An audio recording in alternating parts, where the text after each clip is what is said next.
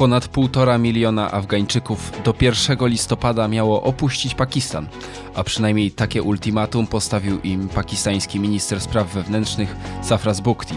Kilkaset tysięcy już to zrobiło w obawie przed prześladowaniami i więzieniem.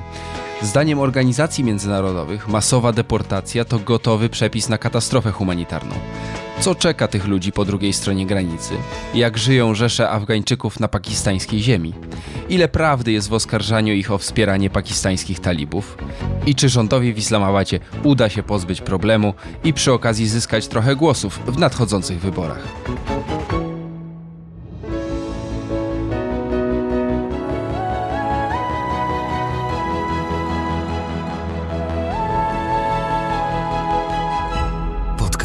Tygodnika Powszechnego. Weź, słuchaj.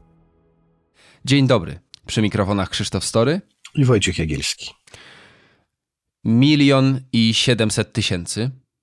Taką liczbę e, oszacował e, minister spraw wewnętrznych Pakistanu Safras Bukti, kiedy mówił o tym, że wszystkich tych, jego zdaniem, nielegalnie przebywających w Pakistanie e, migrantów z Afganistanu chce deportować. A inaczej mówiąc, dał im czas do 1 listopada, żeby się sami deportowali. I teraz tak, kim jest ta grupa? Kim jest te ponad półtora miliona ludzi? Bo 600 tysięcy z nich, tak szacują organizacje międzynarodowe, to są ludzie, którzy uciekli z Afganistanu po sierpniu 2021 roku, kiedy do władzy wrócili talibowie. A co z tym pozostałym ponad milionem? No, każda liczba, jaką podałeś i jaką podaje organizacje międzynarodowe czy pakistański rząd, to jest wyłączne, wyłącznie dane szacunkowe. Równie dobrze może być dwa razy więcej Afgańczyków w Pakistanie, troszkę mniej. Afgańczycy przyjeżdżają jako uchodźcy wojenni do Pakistanu od końca lat 70. Szacuje się, że w latach 80., kiedy ta, ten eksodus był największy, w Pakistanie mieszkało 5 do 6 milionów Afgańczyków, ale to też były dane wyłącznie szacunkowe. Rozumiem, że ta pierwsza fala była spowodowana inwazją Związku Radzieckiego na Afganistan. Tak, tak, tak, tak, tak. Przed wojną domową z lat 70. jeszcze nikt nie uciekał, a nikt sobie nie wyobrażał w Afganistanie, że to wszystko może pójść tak fatalnie, tak źle i że wciąż będzie ta wojna trwała na dobrą sprawę. W czasie tego, tego apogeum e, sowieckiej obecności w Afganistanie, kiedy mm, Rosjanie e, bombardowali afgańsko-pakistańskie pogranicze, południa Afganistanu. E, stamtąd właśnie uciekali Afgańczycy i elity, ale także chłopi, e, no, ta biedota, dlatego że Rosjanie starali się odciąć Afganistan od Pakistanu takim strefą buforową, obszarem wojny spalonej, po to, żeby partyzanci afgańscy nie przechodzili z jednej na drugą stronę granicy. Wtedy tych uchodźców było, mm, przybyło do Pakistanu najwięcej. Wielu z tych, których rząd Pakistanu mm, dzisiaj deportować, czy powiedzmy pokazuje im drzwi, to są ludzie, którzy przyjechali do Afganistanu no jeszcze wtedy. E, oni przyjechali i oni byli uchodźcami, ale ich dzieci urodziły się już w Pakistanie. E, dzieci tych dzieci, bo to nierzadko jest trzecie pokolenie tych uchodźców, tak to z uchodźcami bywa, też urodziły się mm, w Pakistanie. Dzieci i wnukowie tych uchodźców pierwszych nie znają innego życia jak życia w Pakistanie, ale ojcowie mm, rzeczywiście w naj, najczęściej. I ja wierzę w to, że to, co mówi władza, rząd Pakistanu, że nie dopełnili formalności ci Afgańczycy. Nie dopełnili, bo uważali, że jest to niepotrzebne. Nie dopełnili, bo jakoś dawało się żyć bez tej biurokracji, a biurokracja, kontakt z biurokracją oznacza kłopoty w ich przekonaniu i mają powody, żeby takie przekonanie żywić.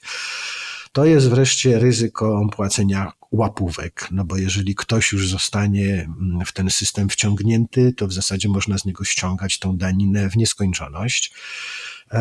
Łatwiej było znaleźć pracę jako robotnik nieformalny, któremu płacono mniej, ale za którego nie płacono żadnych ZUS-ów, ubezpieczeń i tak dalej, i tak dalej.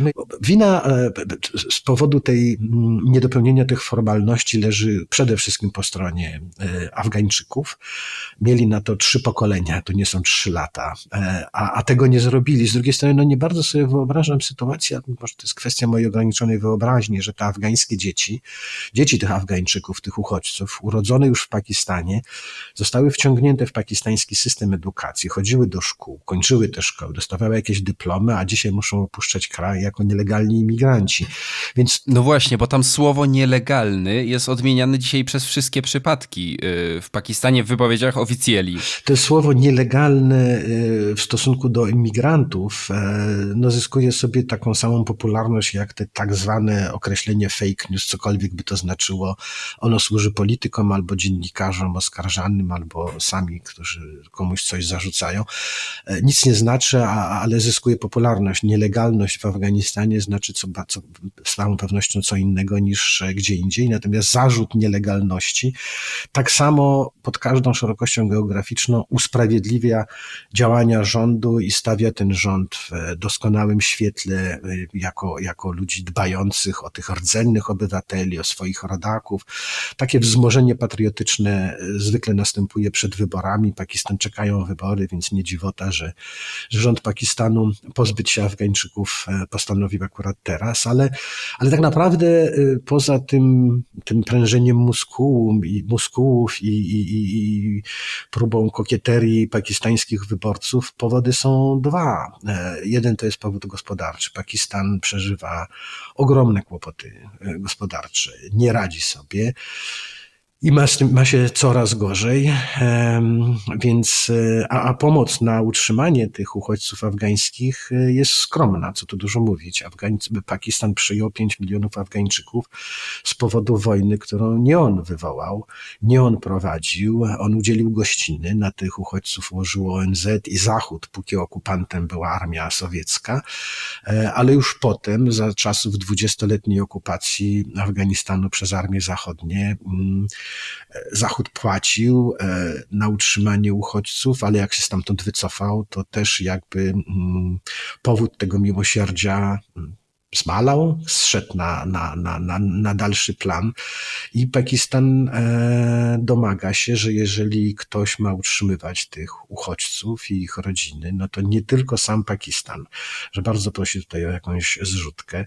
Pakistan ubiega się o, Pakistanowi groziło bankructwo i w dalszym ciągu grozi, ubiega się o prolongatę długów, o nowe kredyty z Międzynarodowego Funduszu Walutowego, a eksperci z Funduszu Walutowego w kółko powtarzają jedno, no i to taki stanowi każdemu, kto się o takie kredyty preferencyjne ubiega, czy pomoc, czy poradę choćby, e, mówi dostaniecie, ale najpierw zaciśnijcie pasa. No więc Pakistan musi zaciskać pasa, ale no, zacznie od tych, których nie uważa za Pakistańczyków, więc, więc e, to, to, to z tymi Afgańczykami e, próbuje zacząć. I wreszcie powód najważniejszy chyba to jest zagrożenie bezpieczeństwa. Pakistan popierał nie wydawał wojen w Afganistanie. To nie on wywoływał może te wojny, ale zawsze się w te wojny mieszał, próbując jak najwięcej e, na tych wojnach e, dla siebie mm, odnieść jak największe korzyści. Powrót do władzy w Afganistanie talibów, poprzedni premier Imran Khan powitał, niemalże ogłosił święto narodowe w Pakistanie. To był populista pełną gębą i, i, i, starał się wykorzystać e, dobre stosunki z talibami, bo Pakistan, czy to za rządów Imrana Hana, czy wszystkich innych poprzedników, talibów wspierał, a przynajmniej jedni bardziej otwarcie, drudzy dyskretnie. Imran Khan przynajmniej politycznie, na forum publicznym wspierał talibów e, bez, bez, bez skrępowania. Mm, uważał, że toczą wojnę wyzwoleńczą, jakby nie było to, czyli przeciwko obcej okupacji. I rzeczywiście ogłosił, e, że, że koniec wojny afgańskiej, bo zwycięstwo talibów e, oznaczało i oznacza wciąż koniec wojny. Po raz pierwszy chyba od tak długiego czasu w Afganistanie nikt do nikogo nie strzela. I liczył Pakistan, że będzie miał w rządzie talibów w Afganistanie życzliwych i spolegliwych e, sojuszników, że talibowie nie zapomną o długu wdzięczności wobec Pakistanu, całej tej pomocy i tak dalej. Natomiast e, talibowie nie okazali się takimi wdzięcznymi partnerami. No Imran Khan został odsunięty od władzy, ale nie to jest powodem takiej niewdzięczności talibów, czy rzekomej niewdzięczności talibów. Pakistan liczył, że talibowie zapewnią bezpieczeństwo na pakistańskiej północnej granicy, na tych terytoriach przygranicznych, gdzie w czasie wojny afgańskiej ukrywali się sami talibowie, a jak talibowie wrócili na swoją stronę granicy, jeszcze za czasów tej wojny, tam na tym pograniczu wyrosło takie ugrupowanie partyzanckie, tak zwanych pakistańskich talibów, którzy skrzyknęli się w partyzanckie wojsko, żeby pomagać tym afgańskim. E, no wojna została w Afganistanie wygrana. Afgańscy talibowie są triumfatorami, rządzą w Afganistanie, a ci pakistańscy uznali, że dopiero się zaczyna. I, i faktycznie od dwóch, trzech lat ci pakistańscy talibowie przysparzają coraz większych kłopotów e, Islamabadowi, pakistańscy rządzący E, uważają i mają pretensje do afgańskich talibów, że na za dużo im pozwalają, tak jakby w Afganistanie jakikolwiek rząd komukolwiek mógł na mniej pozwalać. No w każdym razie Islamabad domaga się od afgańskich talibów, żeby zrobili porządek z pakistańskimi talibami. Talibowie afgańscy rozkładają ręce. No to rząd Pakistanu, mm, uznając, że to jest jawne szyderstwo, złożył im propozycję nie do odrzucenia, że jeżeli nie zrobicie porządku z pakistańskimi talibami, wy, afgańscy talibowie, to my wam e, przyślemy przed Nowym Rokiem dwa miliony waszych rodaków, e, tuż przed nastaniem zimy, no i będziecie sobie musieli jakoś z nimi poradzić, znaleźć dla dwóch milionów coś, czego brakuje tym 40 żyjącym w Afganistanie, no to będzie zadanie graniczące z tymi, które stawiano przed Herkulesem, Herkules sobie nie poradził, wątpliwe, żeby poradzili sobie talibowie. Kup Tygodnik Powszechny na stronie tygodnikpowszechny.pl i sprawdź swoją zniżkę z kodem podcast. E, powiedz mi, ile prawdy jest w tych oskarżeniach, e, ile sensu jest w tym żądaniu Pakistanu do afgańskich talibów, żeby zrobili porządek z tymi ugrupowaniami takimi jak Tehrik-e-Taliban, e, które mm, są faktycznie dla Pakistanu problemem, bo pakistański rząd twierdzi, że większość e, tych zamachów samobójczych e, w tym roku, i podają konkretne liczby, 14 z 24, zostały dokonane przez ludzi legitymujących się afgańskim paszportem, czy pochodzących z Afganistanu. E, ile w tym jest prawdy i ile ci talibowie z Kabulu mogą zrobić w ogóle na tym pograniczu?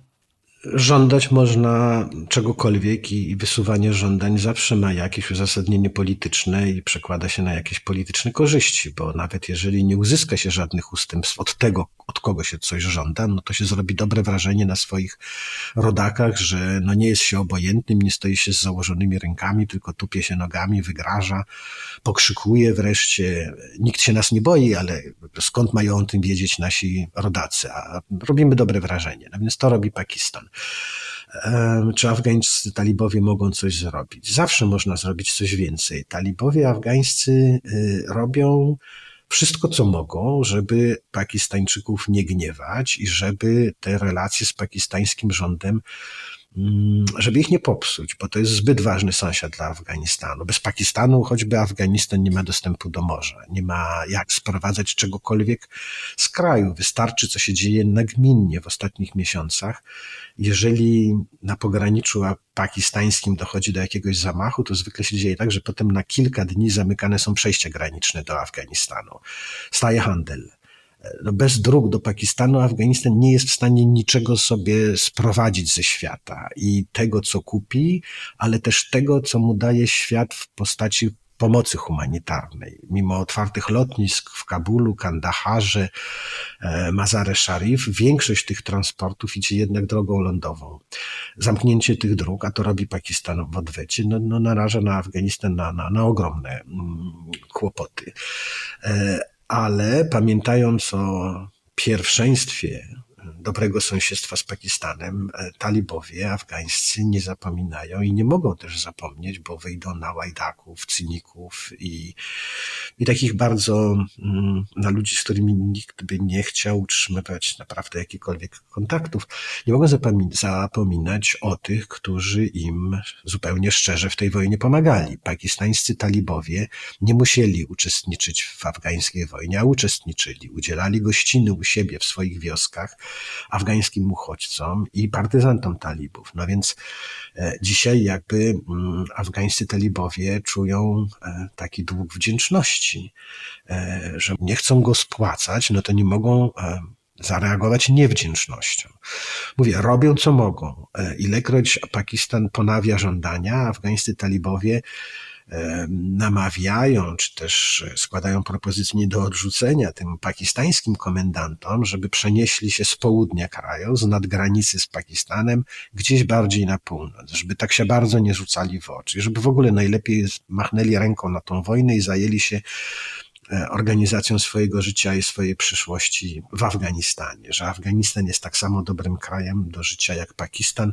Ideologia talibów, jak ideologia dżihadystów i w ogóle tych takich radykalnych, rewolucyjnych ugrupowań muzułmańskich mówi, że nie narodowość się liczy, tylko wspólnota wiary. No więc e, jaka to jest różnica, czy żyjesz e, w Republice Muzułmańskiej, w Emiracie, w Afganistanie, czy w Pakistanie, gdzie Emiratów w dodatku nie ma. Siedź sobie w tym Pakistanie i, i, i ciesz się państwem Bożym, a na Pakistan kiedyś przyjdzie, przyjdzie pora. E, no problem też polega na tym, że ci afgańscy talibowie tak, no, nie mogą aż tak wiele, jak sobie wyobraża Pakistan, bo afgańskich talibów nie stać na nową wojnę z kimkolwiek. Ich ledwo stać na prowadzenie państwa. No tak, ale na wojnę y, w sytuacji wojennej można by było powiedzieć, że utrzymanie państwa nie ma znaczenia, toczymy wojnę domową z kimś tam. Tego nie robią talibowie, więc y, to trzeba im przyznać, że nie próbują wykręcać się jakąś nową wojną od odpowiedzialności za afgańskie państwo. Nie radzą sobie, bo nie umieją radzić sobie z tym państwem, ale nie swoich porażek nie tłumaczą koniecznością prowadzenia nowej wojny, a prowadzą wojnę z państwem islamskim. Ta hindukuska filia państwa islamskiego zagraża nawet bardziej Afganistanowi, niż Pakistanowi, chociaż i po jednej, i po drugiej stronie granicy bomby podkłada prowadzi tę działalność terrorystyczną. E, afgańscy talibowie walczą z państwem islamskim pod Hindukuszem tak dobrze, że nawet Amerykanie ich za to chwalą. No więc tu im zarzucić e, niewiele można, ale tych pakistańskich talibów e, no jakoś nie mogą, nie chcą, nie potrafią, nie znajdują jakiegoś klucza do, do, do, do tego, jak, co zrobić z tymi pakistańskimi talibami. W dodatku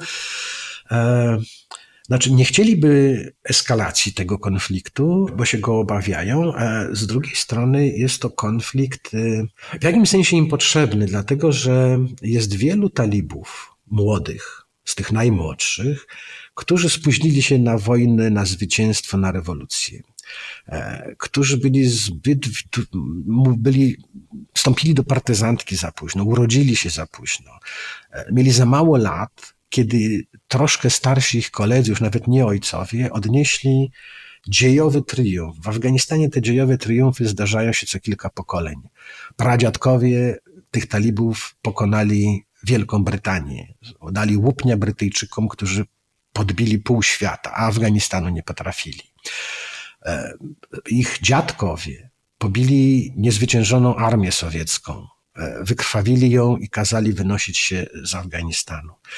Ich starsi koledzy, starsi bracia pokonali może jeszcze trudniejszego przeciwnika, bo nie tylko Amerykanów, jedyne światowe imperium, jedyne mocarstwo światowe, ale wszystkie armie Zachodu.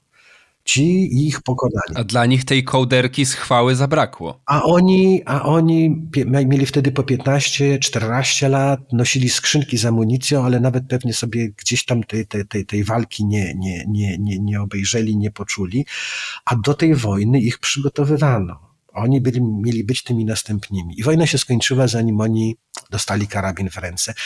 No i tak nie chce im się z tego przyszłego rewolucjonisty przemieniać w stróża nocnego, bo tylko tak, taką, taką pracę talibowie w większości mają do zaoferowania.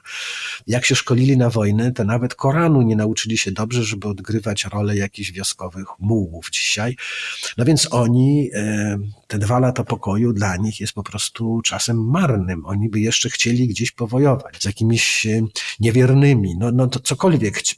Jakieś zło pokonać. Jakieś wielką sprawę pokonać, jakieś zło, no więc a te zło jest zaraz za granicą i bracia ich do tej, do tej wojaczki ich namawiają, więc ci młodzi talibowie, dla których życie w tym biednym, szarym, pozbawionym przyszłości Afganistanie no nie widzą w tym jakiejś wielkiej, wspaniałej przyszłości. Chętnie nie tyle może zaciągają się do armii pakistańskich talibów, ale jak wiedzą, że ci pakistańscy talibowie szykują się do jakiejś operacji zbrojnej, no to oni się chętnie zgłaszają, dają się wynajmować. W te oskarżenia i tą wyliczankę pakistańską, że tylu i tylu Afgańczyków uczestniczyło w samobójczych zamachach czy w atakach terrorystycznych w Pakistanie w ostatnich miesiącach, to ja w taką skrupulatność nawet pakistańskiej biurokracji nie wierzę. Myślę, że to jest raczej buchalteria polityczna, która ma uzasadnić jakąś decyzję. Tą decyzją było właśnie pozbycie się tych wszystkich Afgańczyków, bo jakiś Aziz, czy Ali, czy Arif żył sobie w Pakistanie cztery pokolenia i nikt z tego powodu e, i tego sąsiedztwa afgańskiego nie wytykał. E, korzystał na jego obecności, bo był tanim, tanią siłą roboczą. Jak to każdy e, imigrant e, nie wdawał się w politykę, w ogóle starał się uszy trzymać po sobie, e, nikomu nie wchodzić w drogę, byle mu pozwolono spokojnie żyć i pracować, a dzieciom chodzić do szkoły. A tu raptem się okazuje, że to on jest powodem zagrożenia terrorystycznego dla Pakistanu, czyli dla państwa, w którym od 40 lat mm, żyje. Jego się wyrzuca, no bo łatwiej wyrzucić Arifa, robotnika sezonowego z Karachi, niż biegać po górach i walczyć z tymi, z tymi partyzantami, z których ktoś może być Afgańczykiem, ktoś może mieć pakistański paszport. Pakistan doskonale wie, że to jest fikcja i Pakistan doskonale wie i tego się śmiertelnie boi, że granica afgańsko-pakistańska jeszcze do niedawna była tylko na mapie. Dla Afgańczyków ta granica w zasadzie nie istniała, a dla afgańskich pasztunów mieszkających i po jednej, i po drugiej stronie granicy była jakimś żartem historii. Oni w ogóle nie chcieli o tym rozmawiać. E, jeździli sobie do krewnych po pakistańskiej stronie tej niby granicy wtedy, kiedy chcieli, sprowadzali, to, była, to było terytorium wolnych plemion pasztuńskich, tak to się oficjalnie nazywało po stronie pakistańskiej, gdzie nie działało w zasadzie żadne prawo poza prawem plemiennym, tym właśnie pasztuńskim. Granica dzieliła Pasztunów mniej więcej na pół. Tą granicę poprowadzili w dodatku Brytyjczycy. Oni nawet jej nie nazwali granicą, nie ośmielili się nazwać granicą. Brytyjczycy to nazwali linią Duranda, która dzieliła kolonie brytyjskie w Indiach od Afganistanu, który nie dał się Anglikom podbić, a dzieliła te plemiona pasztuńskie, bo pasztunowie okazali się właśnie tym najgorszym przeciwnikiem, takim najbardziej niesfornym, walecznym, no, niemożliwym do pokonania. Podzielenie ich na pół rozbijało, czyli osłabiało. Pakistan, który powstał jako państwo mm, sztuczne przecież, bo wykrojone z Indii dla indyjskich muzułmanów, dostał w spadku po Brytyjczykach połowę pasztunów. Druga połowa została po stronie afgańskiej. Ani pakistańscy, ani afgańscy pasztunowie tej granicy nie uznają. I dla nich, dla pasztunów, mówienie, że oni mają afgański paszport albo pakistański, równie dobrze mają mieć marsjański. Oni są pasztunami, mieszkają na swojej ziemi, więc w ogóle kto im o czymkolwiek tam opowiada. Oni nie traktują swoich kuzynów, pasztunów z pakistańskiej strony granicy jako Pakistańczyków. To są pasztunowie, krewni z tego samego plemienia, z tego samego klanu. Ta granica nie ma żadnego znaczenia.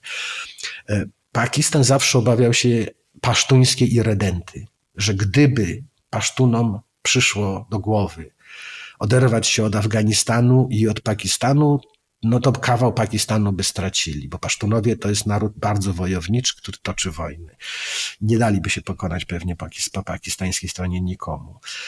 Jeszcze większy lęk w Pakistanie budziło to, że ci Pasztunowie afgańscy rządzili całym Afganistanem. Więc nacjonalizm pasztuński oznaczał, że ci Pasztunowie nie tylko by się odrywali od Pakistanu, ale przyłączali do Afganistanu.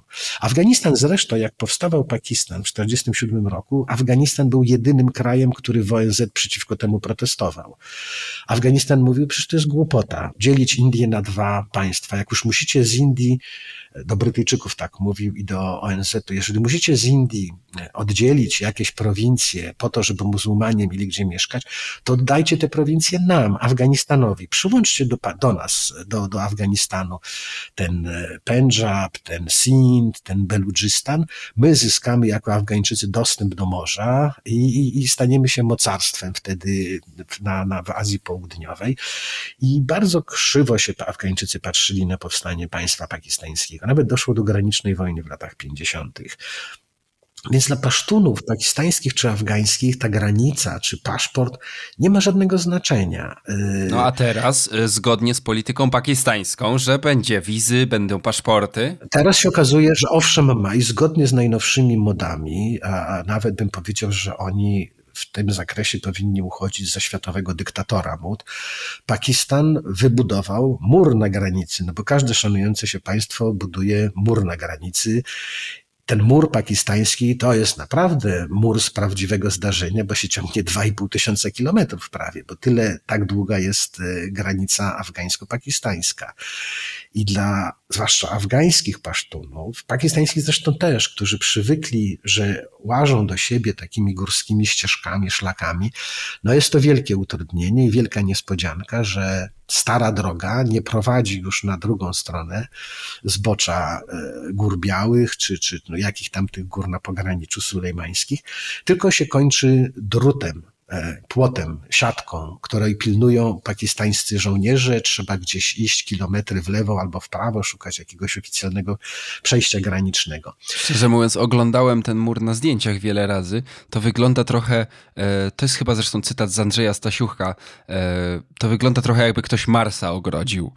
Bo to jest krajobraz taki zupełnie no, bo tak, absurdalny. Tak wygląda, tak wygląda krajobraz afgański, bezludny, bezdroża i ten biegnący tymi bezdrożami mur pilnowany przez pakistańskich żołnierzy. Oczywiście, jeżeli by Afgańczykom się chciało, to oni ten mur potną tam na kawałki, ale no, oni nie chcą, naprawdę afgańscy talibowie nie chcą e, wywoływać nawet nie to, że wojny, nie chcą sporu sąsiedzkiego z Pakistanem, natomiast nie są w stanie spełnić pakistańskich oczekiwań, Pakistan jest troszeczkę sam sobie winien, bo może zbyt wielkie oczekiwania miał wobec talibów afgańskich. E, ich wyobrażenie o talibach afgańskich jako o takich bezwolnych marionetkach e, było z gruntu rzeczy i od samego początku nieprawdziwe.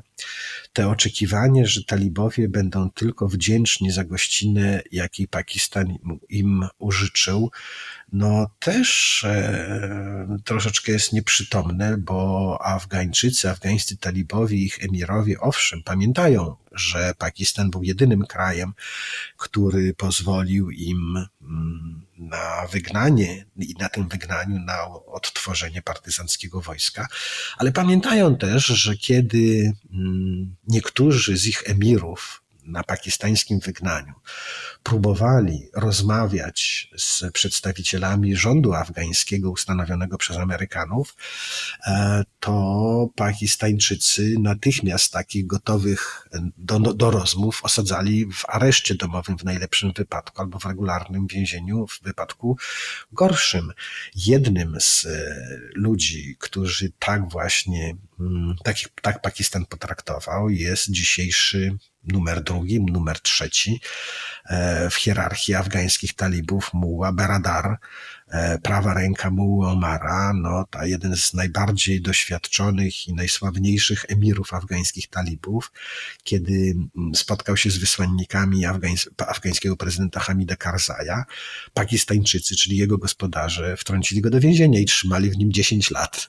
No więc e, on na pewno jest wdzięczny za gościnę w Pakistanie, ale za taką konkretnie gościnę to już takiej wdzięczności powodów już nie ma, żeby odczuwać i żeby taki dług wdzięczności spłacać. Więc ta, ta, ta przyjaźń między talibami afgańskimi a Pakistanem no, ma rozmaite odcienie. Mm, po prostu nieszczęściem dla tych afgańskich e, migrantów, imigrantów, uchodźców jest to, że stali się e, elementem w politycznej rozgrywce, do której doszło. Rozgrywce prowadzonej przez dwa, nie może bezsilne rządy, ale rządy dwóch sąsiednich państw, które akurat z tym problemem niewiele mogą zrobić, bo nie przerasta. I można tylko zrzucać winę na drugą stronę. No więc póki co rolę tej piłeczki. Właśnie e, wejdę ci w słowo bo chciałem Cię zapytać, no bo tak, deportować, znaleźć, wybrać ludzi, którzy, tak jak mówimy, często od trzech pokoleń żyją w Pakistanie, wybrać tych ludzi do deportowania, deportować ich, to też wydaje się kolosalna operacja. Ile w tym ultimatum pakistańskim jest realnego zagrożenia, że te masy ludzi po prostu będą wyrzucane do Afganistanu, a ile jest takiego wymachiwania szabelką, czy na indyjskim subkontynencie chyba szabla to się nazywało talwar, tak? tak, tak. Jest takie zakrzywione miecze. No, ile jest takiego wymachiwania i głośnego po, po, pochrząkiwania, a na ile to się rzeczywiście może wydarzyć? Myślę, że pół na pół, a jedne pół i drugie pół jest szalenie opłacalne bo e, już samo ogłoszenie, że wszyscy ci Afgańczycy, którzy nie dopełnili formalności, zostaną deportowani, sprawiło, że nie wiem czy kilkaset tysięcy, ale dobrze ponad 100 tysięcy Afgańczyków sami wrócili do Afganistanu. Szacuje się nawet 200 tysięcy. No, więc właśnie, no to już jest, to, to już jest, y, po pierwsze, pozbywasz się z kraju 200 e, tysięcy nieproszonych gości, no to, to, to, to trochę więcej miejsca się robi i zostaje troszkę w kieszeniach e, pieniędzy e, z tych, które trzeba było łożyć na ich utrzymanie. Sprawiasz już tymi dwustoma tysiącami spory kłopot afgańskim talibom. E, no więc to jest korzyść. Korzyścią dodatkową, nieformalną, ale jednak wszyscy ją odnoszą w Pakistanie, jest choćby to, że ogłaszając, że do 1 listopada wszyscy nielegalni imigranci afgańscy muszą się wynieść albo zostaną deportowani. Razem z, to, z tym ogłoszeniem e, poszły niemal instruktarzy dla pakistańskich obywateli, żeby oni na tych Afgańczyków donosili. E, odpowiednim władzom. Żeby pakistański sąsiad szedł na policję i mówił, koło mnie żyje od 30 lat Afgańczyk, ale nie wiem, czy on te formalności dopełnił, ale jakby co, to on koło mnie żyje. Mieszka. To jest i taki, taki, i taki adres. Dla właścicieli nieruchomości, którzy wynajmowali mieszkania, domy afgańskim rodzinom, to była okazja, żeby ich wyrzucić z tych lokali albo podnieść czynsz. Nie chcecie? To fora ze dwora, znajdę tu innego klienta, a wy i tak do 1 listopada musicie się wynosić. Dla tych, którzy Afgańczykom pożyczali pieniądze, to jeszcze to, to, to nieszczęście, ale, ale którzy u Afgańczyków pożyczali pieniądze, bo przecież ci afgańscy imigranci to nie tylko była bieda z nędzą, niektórzy to robili się sporych e, majątków, to była okazja, żeby nie oddawać tych pieniędzy, nie płacić zaległych e, zarobków, bo przecież 1 listopada oni i tak wyjechali wyjadą. E, zmieniać kontrakty. Jeżeli pracuje u mnie e, afgański kierowca jeździ moją ciężarówką i byłem z nim umówiony na 100 dolarów miesięcznie, to jest pretekst, żeby zmniejszyć te 100 dolarów do 75 albo do 50. Um, albo wręcz szantażować go, że to on musi mi płacić po to, żebym ja go utrzymywał, bo zawsze jest ryzyko czy prawdopodobieństwo, że on jednak jakichś formalności nie dopełnił. Więc mnóstwo ludzi w Pakistanie na tym zarobiło w sensie takim dosłownym. To może są groszowe historie, ale, ale, ale przyniosły zysk tym Pakistańczykom, którzy, którzy z tymi Afgańczykami mieli do czynienia. Takie największe tragedie życiowe to przeżyli ci, którzy mieszkają tam najdłużej. To są ludzie, którzy już przenieśli się z tego afgańsko-pakistańskiego pogranicza, a tam najpierw się ląduje, uciekając z Afganistanu. Przenieśli się do Karachi, e, do Rawalpindi, ale głównie do Karachi, bo to jest ta metropolia gospodarcza. Żyli tam sobie już od 30-40 lat. I raptem się okazało, że oni są nielegalnymi imigrantami i muszą wracać do kraju, którego nie znają. Bo zna dziadek albo znał dziadek, ale już ojciec tego Afganistanu nigdy na oczy nie widział. I musi tam wracać i przystosowywać się do życia w zupełnie innym świecie. Dla rodziców, e, którym się zdarzyło mieć synów, e, to jeszcze jak cię mogę, ale jeżeli urodziły im się trzy córki, to powrót do Afganistanu oznacza, że te córki nie zdobędą żadnego wykształcenia. Że przyszłością tych córek będzie wydać się za mąż, bo w Afganistanie pod rządami afgańskich talibów Afgańscy talibowie uważają, że y, dziewczynkom, kobietom w Afganistanie sześć klas szkoły podstawowej najzupełniej wystarczy. Potem zachodzą w ciążę, rodzą 12 dzieci, no więc o jakiej tam pracy mowa, tym bardziej, że tej pracy brakuje także mężczyznom, no więc y, kobieta powinna się, powinna rodzić dzieci i opiekować się domem. Tak myślą talibowie w Afganistanie, nie tylko w Afganistanie, nie tylko w muzułmańskich krajach. I dla, dla takich ludzi powrót do Afganistanu, no jest rzeczywiście z powrotem kompletnie inną rzeczywistość, aczkolwiek ten Pakistan od Afganistanu dzieli tylko ta nieistniejąca, nieistniejąca mieca. Boją się powrotu do Afganistanu ci, którzy uciekli e, z Afganistanu wraz z nastaniem talibów w 2021 roku. Oni uciekli do Pakistanu, nie tyle do Pakistanu uciekli, tylko uciekali na zachód. To nie byli ci najbardziej zagrożeni przez talibów, ci mniej zagrożeni, którzy przez 20 lat obecności zachodniej w Afganistanie pracowali dla ustanowionej przez Zachód administracji. Więc grozi im, czy groziło im oskarżenie o kolaborację. Amerykanie mieli kłopoty z wydostaniem z Afganistanu już w sierpniu 2021 roku tych najważniejszych, e, więc tych, tym mniej ważnym poradzili, że wyjedźcie do Pakistanu, to miał być warunek niemalże. Wyjedźcie z Afganistanu, zarejestrujcie się jako uchodźcy, uciekinierzy a my będziemy zajmować się przyznawaniem wam po kolei, tylko na to potrzebujemy czasu, będziemy przyznawać wam wizy wjazdowe na zachód.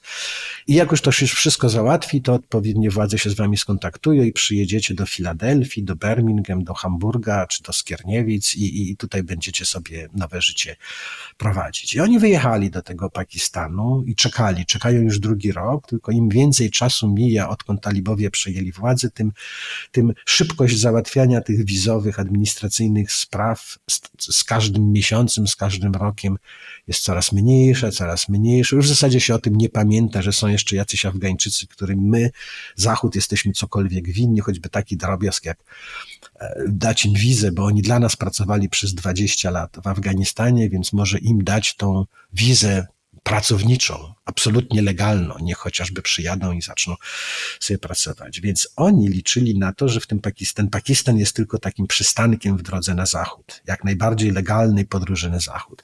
No więc zamiast na zachód, teraz czeka ich droga z powrotem, tam skąd przybyli i co tam ich czeka, to nie wiedzą, ale mają powody, żeby się, żeby się bać, że, że mogą z, po dwóch latach, po trzech latach zostać oskarżeni o kolaborację i ktoś im wymierzy za tą kolaborację karę. Kiedy wrócą, to nie wiadomo, bo pytałeś, jak to, czy to możliwe, żeby Pakistan pozbył się tych dwóch milionów. Pakistan w taki szybki sposób tego zrobić nie potrafi nie da rady, tak jak nie daje rady pokonać pakistańskich talibów, ale e, stara się i buduje na pograniczu afgańsko-pakistańskim tak zwane obozy przejściowe, obozy dla internowanych. No tam będzie kierował tych Afgańczyków połapanych wszędzie i w całym kraju i tam ich będzie osadzał. Oczywiście na utrzymanie tych obozów powie, że pieniądze musi dawać ONZ albo Zachód, ale już tam ich będzie sobie trzymał. i sukcesywnie wysyłał do Afganistanu raz mniej, raz więcej po to, żeby zaszkodzić afgańskim talibom wtedy, kiedy będzie trzeba im zaszkodzić. Więc to będzie taka żywa broń, trochę tacy kamikadzy, którymi będą Pakistańczycy atakować afgańskich talibów, jeżeli afgańscy talibowie zdaniem Islamabadu nie będą się starać wystarczająco w walce z pakistańskimi talibami. Podoba Ci się nasz podcast? Dołącz do patronów i patronek podcastu Tygodnika Powszechnego na patronite.pl. Wykorzystywanie ludzi i zmuszanie ich, czy sterowanie jakoś migracją, żeby ugrać jakieś polityczne korzyści, to nie jest nowość, yy, niestety, yy, i nie wymyślono jej na pograniczu afgańsko-pakistańskim. A talibowie, czy oni dzisiaj odnoszą się jakoś do tego, co robi Pakistan? Mówiłeś, że nie zależy im ani na wojnie, ani nawet na konflikcie, no ale jednak perspektywa kilkuset tysięcy dodatkowych żołądków do wyżywienia i też perspektywa powrotu ludzi niekoniecznie przychylnych talibom e, do kraju, bo talibowie, jak pamiętamy w tym sierpniu 2021, nieszczególnie zatrzymywali siłą tych wszystkich na przykład ludzi współpracujących z armiami zachodnimi po to, żeby wymierzyć im sprawiedliwą karę. Oni raczej pozwolili im wyjechać, opuścić Afganistan, bo to jest dla nich problem z głowy. Ehm, czy talibowie mogą coś zrobić, żeby sobie z tym, z tym całym ambarasem poradzić teraz? No tak, talibowie nie zatrzymywali nikogo. Tak jak dzisiaj, chociaż nie, dzisiaj namawiają e, Afgańczyków, żeby wracali. Mówią tym, którzy uciekli z Afganistanu, że po co wam taka poniewierka? Po, po co wam się gdzieś tułać po jakichś pustyniach, morzach śródziemnych, białowieżach? A nie lepiej to wrócić do domu, do Kandaharu, Nangarharu, pod Kabul, zacząć nowe życie? Zobaczcie, w Afganistanie jest wojna, już drugi pokój. Nie ma żadnych niewiernych, e, żadnej bezbożności, żadnej Sodomy i Gomory. Wszyscy żyjemy żyjemy po Bożemu, idzie ku lepszemu. E, wracajcie, gdzie wam będzie lepiej. A czy idzie ku lepszemu? Bo zaraz zbliża się zima. No właśnie, no nie idzie ku gorszemu. W każdym razie y, utrzymuje się taki, taki, taki stan e, troszkę takie trwożliwej biedy. No wojny nie ma i Afgańczycy rzeczywiście mm, cieszą się tym pokojem, ale to jest to strasznie biedny i zimny pokój. Kolejna zima idzie, ale my y, może w tym roku nie nagramy podcastu, który będzie zapowiadał e, śmiertelne zagrożenie, które nadciąga na Afganistan z kolejną zimą, bo to już będzie trzecia zima i to niemalże zacznie przypominać takie właśnie trwogi, jak drogowcy nie poradzili sobie z nastaniem zimy i tak dalej. Jakoś tak się dzieje, że tylko Afganistan jest tak kruchym krajem. Te ostatnie trzęsienie ziemi, które dotknęło zachód Afganistanu, pokazało, że takie kraje mm, biedne, zacofane, zniszczone wojnami, wymizerowane, izolowane, pozbawione pomocy, bo z jakiegoś powodu ktoś tej pomocy udzielać nie chce.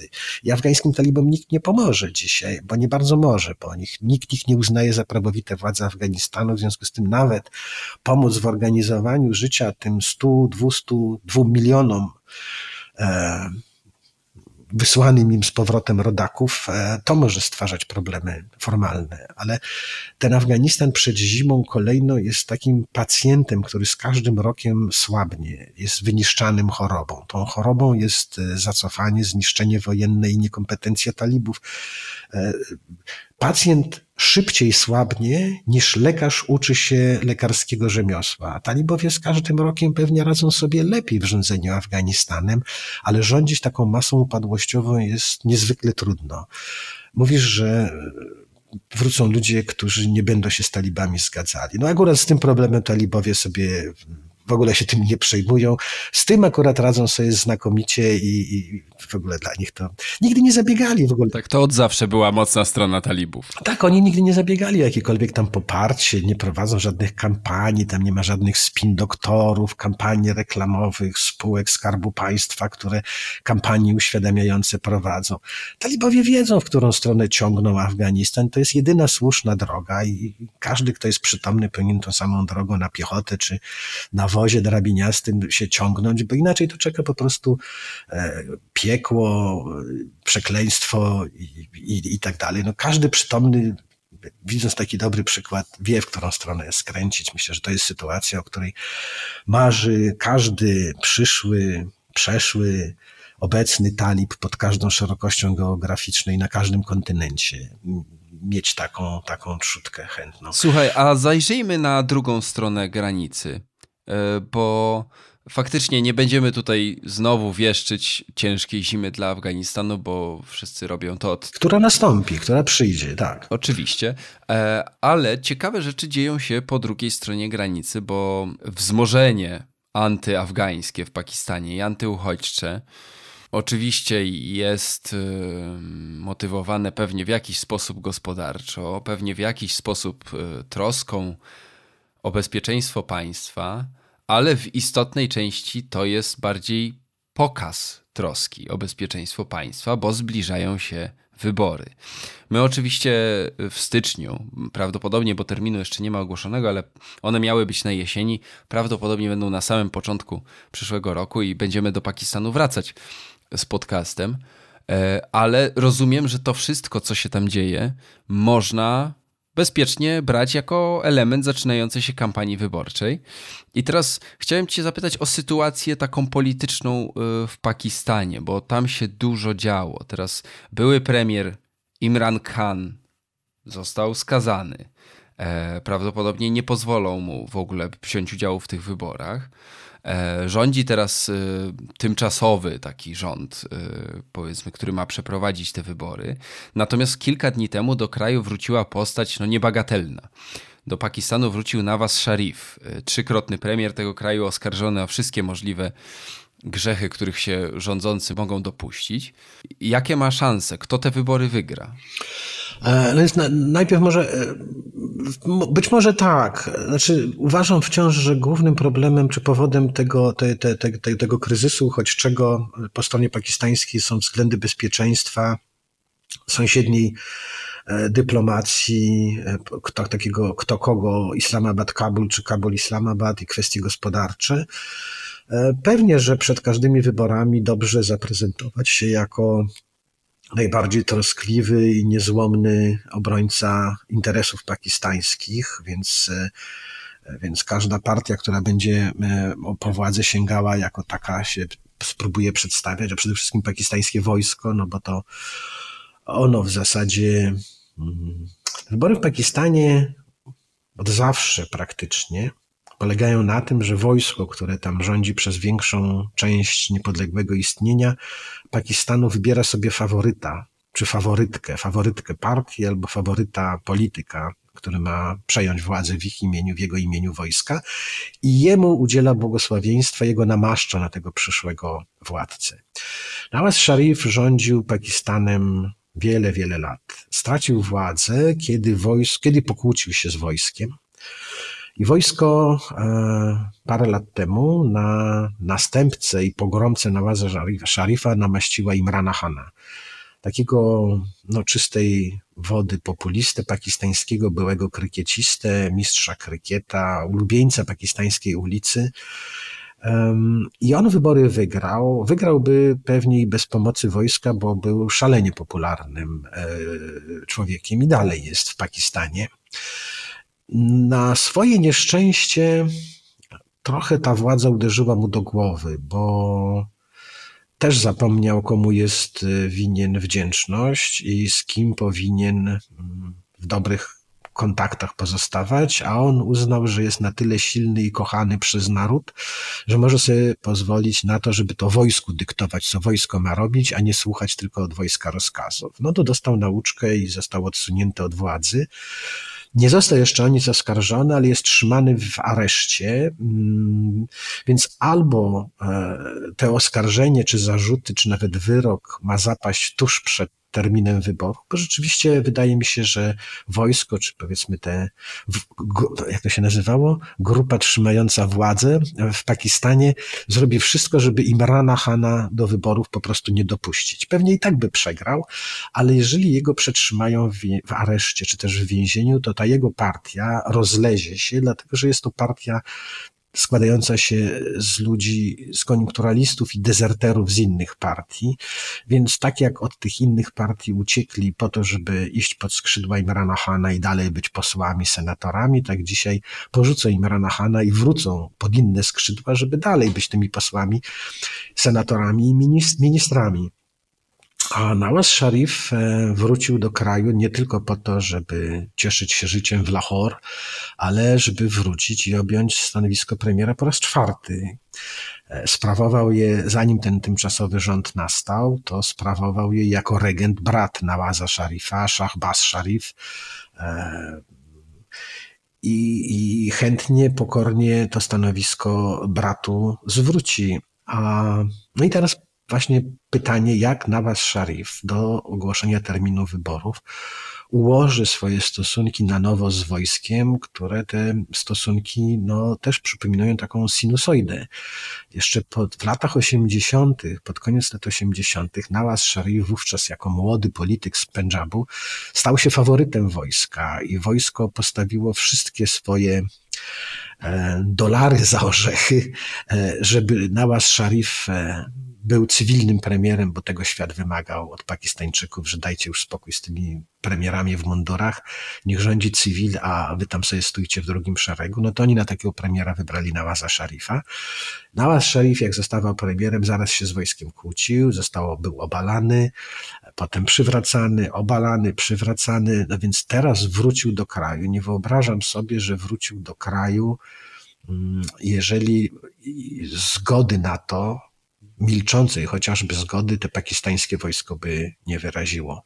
Pakistańskie wojsko uważa, że sprawy bezpieczeństwa kraju, polityki zagranicznej są zbyt ważnymi rzeczami, żeby zostawiać je w rękach cywilów i, i uważają generałowie, że tylko oni sobie z nimi radzą, a Nawaz Sharif, czy jego powrót do kraju z wygnania londyńskiego, czy dubajskiego e, jest w Pakistanie sprawą bezpieczeństwa. Generałowie musieli się na to zgodzić. Czy zgodzą się, żeby Nawaz Sharif został premierem po raz czwarty? No to się rychło przekonamy. Wydaje mi się, że, że tak, że Nawaz Sharif mm, wróci do polityki, stanie do wyborów i wygra i zostanie premierem po raz czwarty, a za rok, dwa, trzy pewnie znów pokłóci się z wojskiem e, i, i, i albo przejdzie na polityczną emeryturę i będzie chciał ją spędzić w rodzinnym Lahaur, e, już może nie będzie wyjeżdżał z kraju, ale spodziewam się, że w styczniu o Nałazie Szarifie jeszcze porozmawiamy.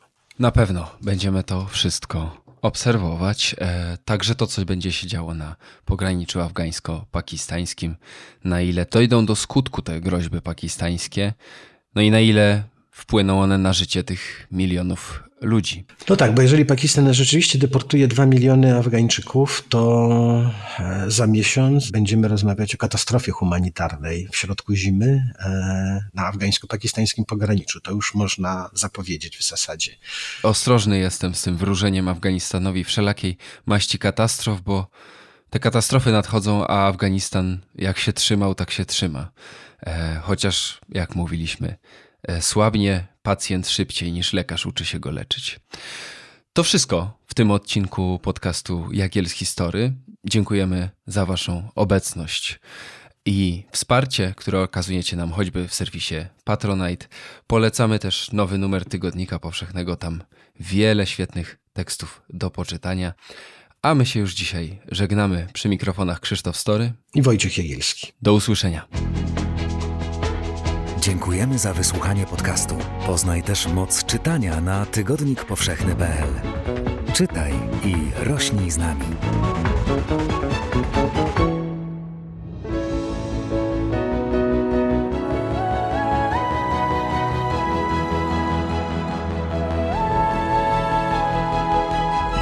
Podcast Tygodnika Powszechnego. Weź, słuchaj.